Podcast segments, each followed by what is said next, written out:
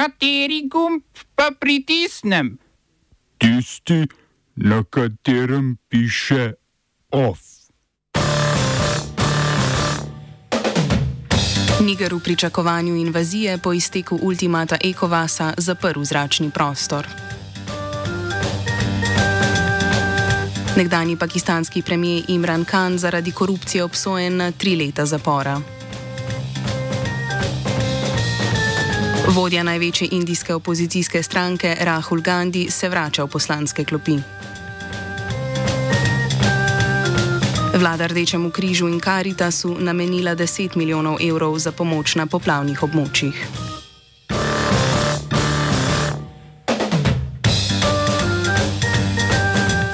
Iztekel se je rok, ki ga je Zveza zahodnoafriških držav ECOWAS Hundi v Nigru postavila prejšnji teden, da izpusti v vojaškem udaru odstavljenega predsednika Mohameda Bazuma in mu ponovno prepusti oblast.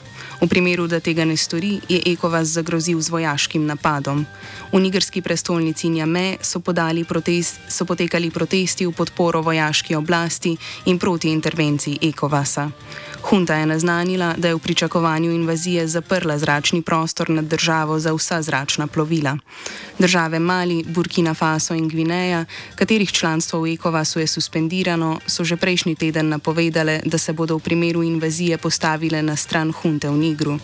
Če ECOWAS misli resno, to ne bo njegovo prvo vojaško posredovanje. Na zadnje je ECOWAS leta 2017 vojaško prisilil nekdanjega gambijskega predsednika, da se stopi z oblasti, potem ko ni hotel priznati poraza na volitvah.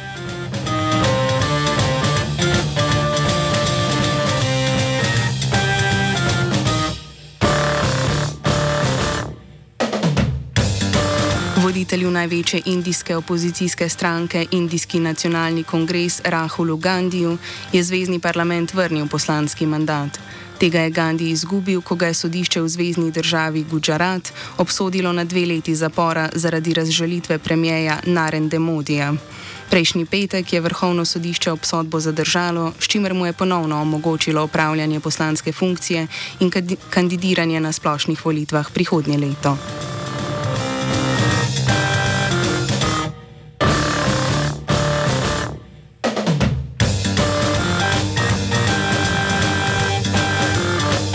Medtem je v sosednjem Pakistanu sodišče v Islamabadu obsodilo nekdanjega premijeja Imrana Kana na tri leta zapora zaradi korupcije. Kan je že začel prestajati kazen v zaporu Ravalpindiju. Obsodba mu za pet let prepoveduje tudi opravljanje političnih funkcij, torej jeseni ne bo mogel kandidirati na splošnih volitvah. Obramba že od začetka trdi, da je proces proti nekdanjemu premijeju političen. Podobnega mnenja so tudi protestniki, ki so maja takoj po Kanovi aretaciji napadli vladne in vojaške stavbe po državi. Kanova stranka Pakistansko gibanje za pravico je na višjem sodišču vložila pritožbo.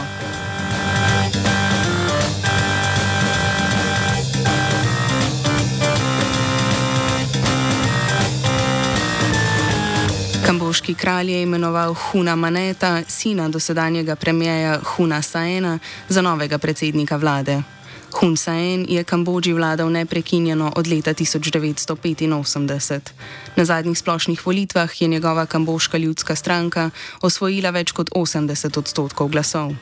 Opozicijski stranki Soja Sveče je volilna komisija prepovedala kandidaturo zaradi tehnično nepravilne prijave. Hun je odstopil tri dni po volitvah in napovedal, da bo premijejsko mesto predal sinu.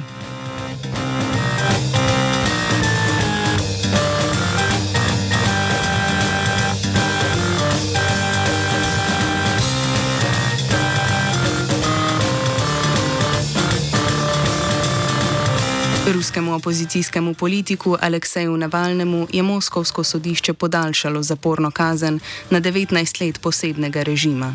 Sodišče ga je spoznalo za krivega ustanavljanja ekstremistične organizacije, financiranja ekstremizma in rehabilitacije nacizma. Sojenje je bilo za javnost zaprto, potekalo pa je v zaporu v Melehovem, kjer Navalni od januarja 2021 že prestaja devetletno zaporno kazen. Na devet let je bil obsojen zaradi kršenja pogojev izpusta po prvi obsodbi zaradi poneverbe, ko je zapustil državo.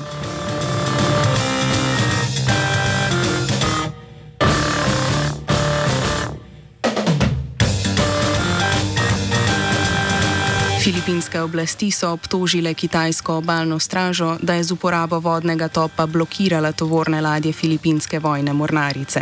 Incident se je zgodil blizu atola Ayungin v Južno-Kitajskem morju, 200 km od Filipinov in 1000 km od kitajskega otoka Hainan.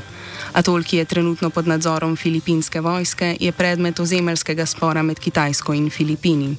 Zaradi incidenta je filipinski minister za zunanje zadeve na zagovor poklical kitajskega veleposlanika.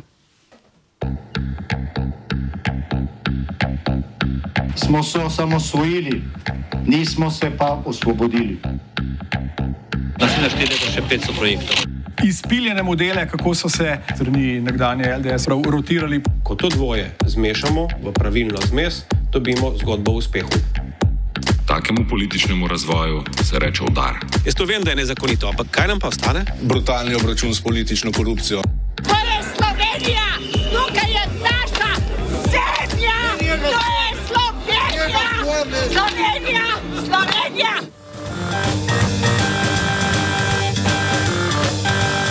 Vlada je na sobotni izredni seji sprejela začasne ukrepe po najhujših poplavah v zgodovini Slovenije. Rdečemu križu in Karitasu je namenila 10 milijonov evrov za pomoč na prizadetih območjih.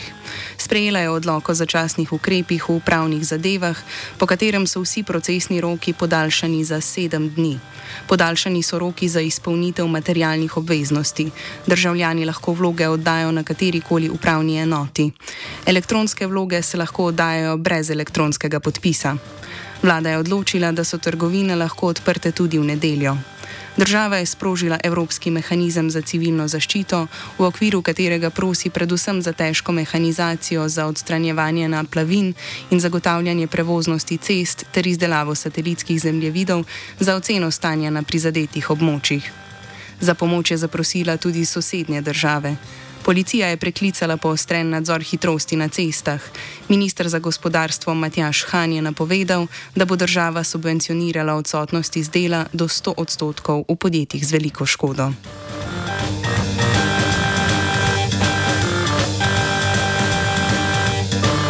Of je pripravil Matej.